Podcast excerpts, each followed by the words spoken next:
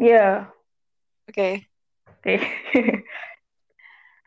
Halo semuanya, teman berfase. Hari ini eh, podcast berfase akan ngobrol-ngobrol tentang fase-fase kehidupan yang eh, ya rumit-rumit gimana gitu. Dan aku ditemenin sama temanku, Cindy. Halo Cindy, Halo, salam kenal.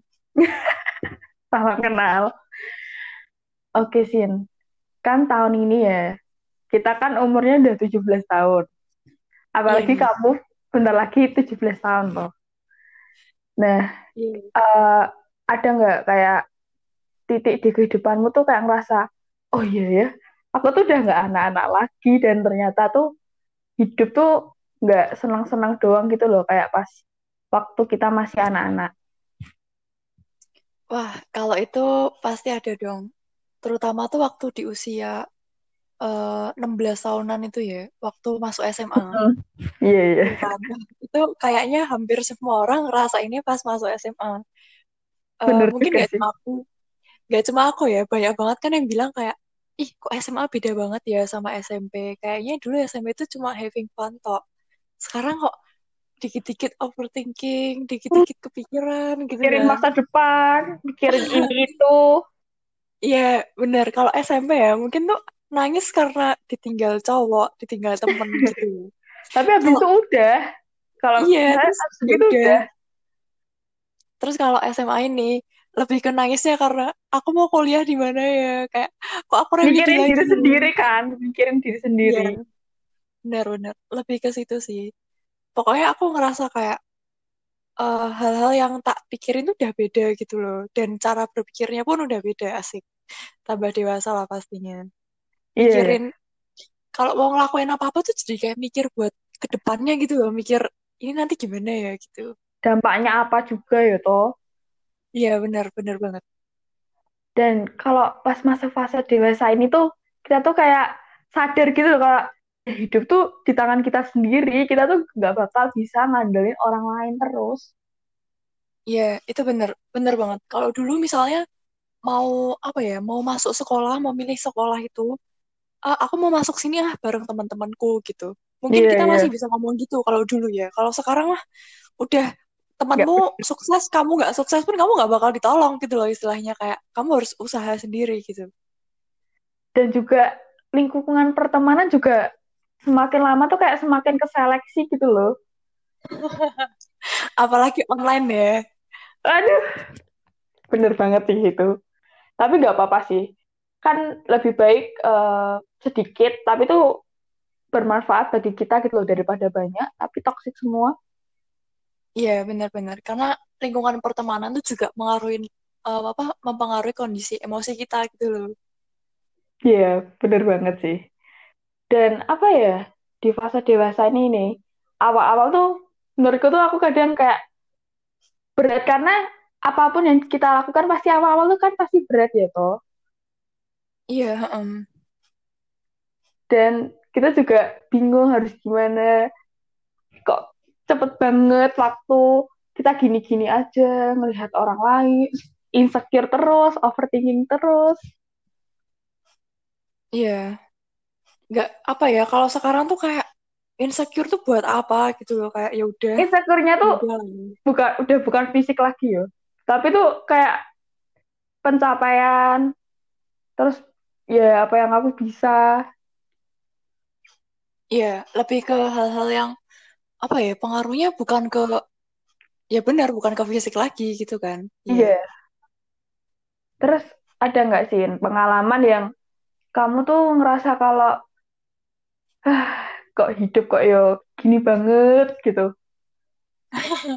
Maksudnya apa nih? Gini banget tuh maksudnya apa? Banget tuh ya ternyata tuh susah gitu loh kayak eh, kamu menjalani hari tuh rasanya berat banget.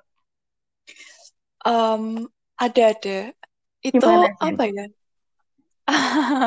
Kalau aku sendiri ya, aku pernah ada di fase di mana kayak ngerasa em, apa ya kayak ih kok berat banget ya apa yang tak alami kayak eh, orang lain tuh nggak ngerasain yang tak rasain gitu. Ya memang eh, orang kan mesti beda-beda ya yang yang Iya. dialamin. Tapi aku ngerasa kayak punya aku tuh yang paling berat gitu loh, kayak udah adil gitu. Aku pernah ngerasa kayak gitu dan pasti banyak juga yang pernah ngerasa kayak gitu. Tapi emang sih, soalnya kan yang mengerti diri kita sendiri juga kita, bukan orang lain. Pasti ngerasa Iya. sedih banget. Terus eh, ceritain dong pengalaman kamu kayak keluar dari titik itu. wah, em, kalau aku pernah ada di, di titik terendah dalam hidupku, buat keluar dari situ jujur susah banget dan sekarang aku udah eh, ini sekarang aku udah keluar dari fase itu ya dan kayak Iya. nggak nyangka gitu. Dulu aku ngerasa kayak aku kayak nggak bakal bisa keluar atau kalaupun bisa bakal lama banget dan dan lain-lain gitu ya. Tapi sekarang aku buktiin kalau aku ada di sini dan ya memang itu nggak bakal pernah bisa tak lupain sih. Cuma at least aku udah keluar dari situ dan rasanya tuh apa ya? Lega. Ya sekarangnya sih lega. Oh ini mungkin lebih ke Gimana? cerita pengalamanku. Kalau buat kalian yang eh, lagi ngalamin sesuatu kegagalan gitu ya, jangan pernah ngerasa kalau kalian tuh bakal gagal terus gitu. Karena gagalnya kalian tuh kan cuma di situ, cuma sekali itu ya udah kalian harus bangkit dan cari hal lain atau cari tempat lain atau pakai usaha yang lain buat kalian tuh bisa berhasil gitu. Karena sekali gagal tuh bukan berarti selamanya kalian bakalan gagal gitu. Iya, dan gagal itu juga menurutku salah satu proses ya, toh. Proses buat Iya. mencapai keberhasilannya kita. Kalau kita nggak gagal, kita nggak bakal belajar, kita nggak bakal belajar dari kesalahan-kesalahan kita, ataupun eh, belajar dari titik terendah kita nih buat bangkit itu kan kalau nggak gagal nggak mungkin tuh rasain kayak gitu. Iya, bener banget. Dan eh, ini temanku pernah bilang gini, eh, kalau kamu gagal tuh nggak usah sedih, karena justru kamu bisa motivasi orang lain dari cerita kegagalan itu, gitu. Kalau misalnya kamu berhasil terus, eh, pengalaman berat apa yang mau mbok ceritain? Kalau kamu gagal, terus suatu saat nanti kamu berhasil, kamu bisa cerita. Kalau keberhasilanmu tuh diperolehnya tuh lewat kegagalan, lewat proses yang berat, gitu. Iya ya, mungkin eh, waktu eh, ngerasain gagal, eh, emang rasanya tuh kayak berat, sedih. Tapi kalau udah eh, ngelewatin itu tuh kayak bangga gitu loh sama diri diri sendiri yang dulu waktu gagal. Udah mau bertahan, udah mau bangkit dari kegagalan itu, dan bakal berterima kasih banyak sama diri sendiri kalau eh, kegagalan itu tuh mau diterima, mau di apa ya, diperjuangin lagi. Kalau enggak tuh nggak bakal gitu loh, bakal ada di titik ini. Iya, bener. Jadi harus ada usahanya juga, harus berjuang dan apa ya, kayak istilahnya tetap semangat lah cari satu hal yang eh, bisa kalian kembangin tuh di situ. Karena jangan cuma terpaku sama satu kegagalan terus kalian nyerah gitu, jangan. Karena percaya aja ya, em, kan banyak orang ya bilang kayak kalau kamu gagal berarti Tuhan naruh kamu tuh nggak di situ, tapi di tempat lain. Dan tolong kalian tuh percaya aja sama itu. Soalnya apa? Aku sendiri pun ngerasain kayak aku pernah gagal di satu titik dan akhirnya aku mau aku mau bangkit dan nyoba di tempat lain dan ternyata memang tempatku tuh di tempat lain bukan di situ Bener-bener bener banget. Ya aku juga pernah ya, kayak ngerasa aku berjuang, tapi kayak nggak ada hasilnya. Kata-kata orang yang bilang usaha nggak bakal mengkhianati hasil tuh mana? Hasilku kok cuma segini doang. Tapi itu ya itu gara-gara aku cuma stuck di situ gitu loh. Kalau Iya. nggak ngelihat hal-hal lain, sebenarnya tuh masih banyak gitu loh hal yang bisa kita eksplor lagi. Toh kita masih umur segini dan masih punya waktu buat ekspor banyak hal. Iya, jadi jangan terpaku sama satu hal gitu. Kalian boleh kok ngejar satu goal kalian yang memang pengen kalian capai. Tapi begitu kalian gagal, em, coba koreksi lagi gitu loh. Yang salah apa? Mungkin kalau usaha kalian yang salah bisa kalian perbaiki. Tapi kalau tujuan kalian itu salah, jadi jangan tetap ngejar di situ. Carilah tempat lain gitu. Karena potensi kalian tuh bisa dipakai itu di mana aja, nggak cuma di satu tempat itu aja. Nah, ini masalah gagal ya. Menurutmu kalau kita eh, mau berjuang, itu menurutmu harus menaruh ekspektasi yang tinggi apa enggak? Um, mungkin sebagian orang bilang iya, tapi kalau aku lebih ke bukan masalah naruh ekspektasi tinggi atau enggak, tapi uh, apa kenali dirimu sendiri gitu. Kamu yang tahu seberapa kamu bisa gitu. Dan kalau uh, kita yang merencanakan pun Tuhan yang bakal menentukan gitu kan. Iya. Seberapa pun usaha kita, kalau emang tempatnya nggak di situ ya bakal ditaruh di situ. Iya, tapi bukan berarti karena Tuhan yang menentukan terus kita diem aja, bukan loh. Tetap pasti tetap ya, harus tetap berjuang. Dan iya, apa ya? Di fase pendewasaan ya, masalah berjuang tuh kayak eh uh, kayak jalan sendirian gitu loh. Kalau dulu tuh kayak bareng-bareng pikirannya tuh kayak nggak nggak mikir yang berat-berat kan. Iya.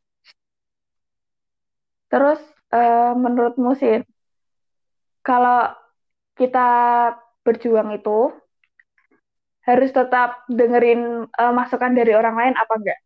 Ya walaupun kadang suka jatuhin gitu.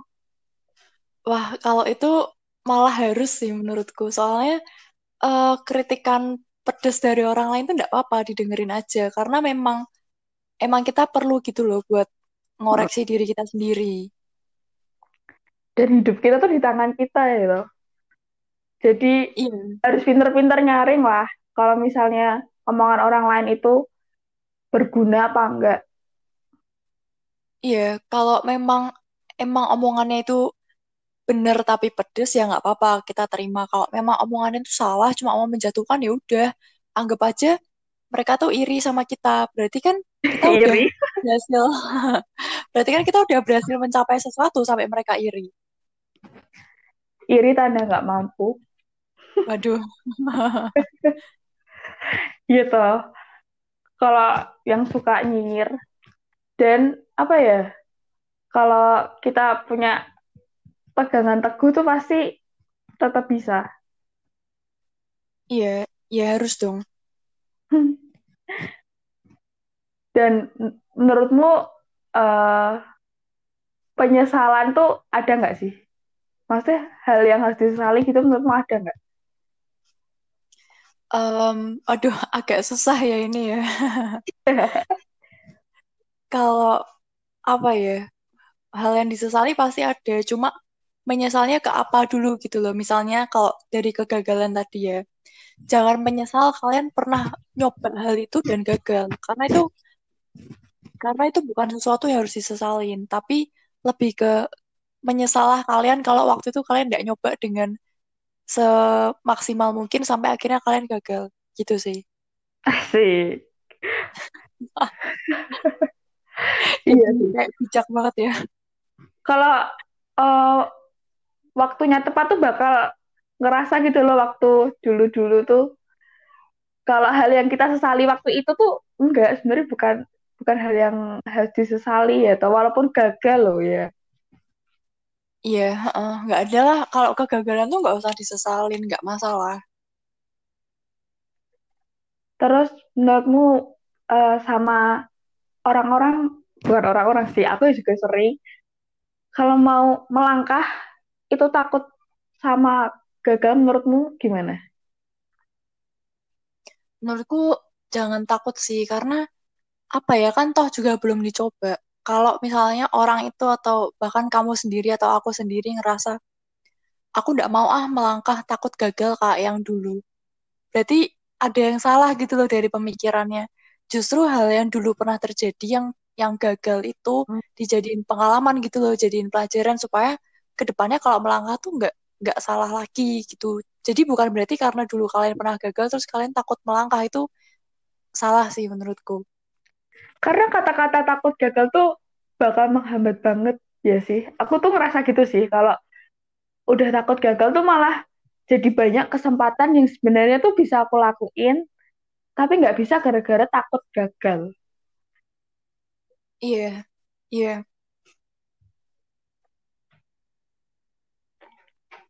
Oke, Sin. Uh, terakhir nih. Oke. Men menurut kamu eh, hal apa yang membuatmu tuh eh, sadar kalau kamu itu udah bukan anak kecil lagi? Waduh, apa ya? Sebenarnya kalau dari aku sendiri kayaknya susah ya buat nilai diriku sendiri. Hmm. Kalau menurutmu apa, Sel? Dari aku. Kalau menurutku, eh kalau menurutku Iya, dari kamu itu eh lebih ke sekarang semua kamu pikirin gitu loh, kesedetail-detailnya. Dan bahkan kayak mm, eh, pikiran-pikiran negatif yang sebenarnya nggak ada tuh ada terlintas gitu loh. Iya, iya. Heeh. Kalau misalnya kita masih anak-anak tuh kan mau ngelakuin apa gitu kan eh, nggak mikir ya. Aku yang ngerasa sih dulu tuh aku kayak nggak mikir. Pantesan hidupku kayak santai-santai aja. Em, ya, itu salah satunya sih kayak lebih ke mikir kalau sebelum ngelakuin sesuatu. Ya, Tapi gitu emang, sih. tapi kamu kan emang overthinking banget. Aduh, jangan dibuka di sini dong. Tapi sebenarnya overthinking menurutku baik loh. Ya nggak baik dong. Masa Ya, baik?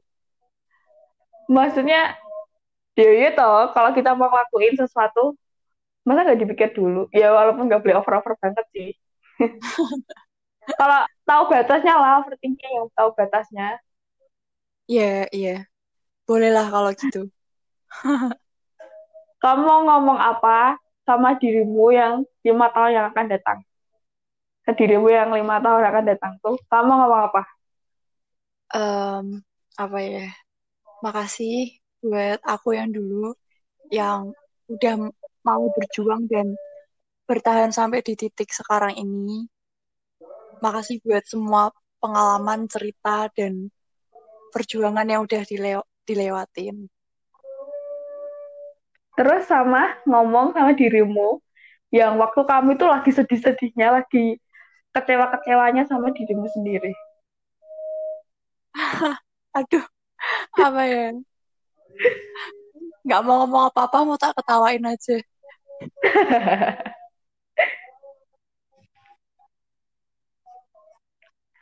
Oke, sampai di sini dulu ya Cindy. Kita ngobrol-ngobrol tentang fase-fase kehidupan yang jahat ini.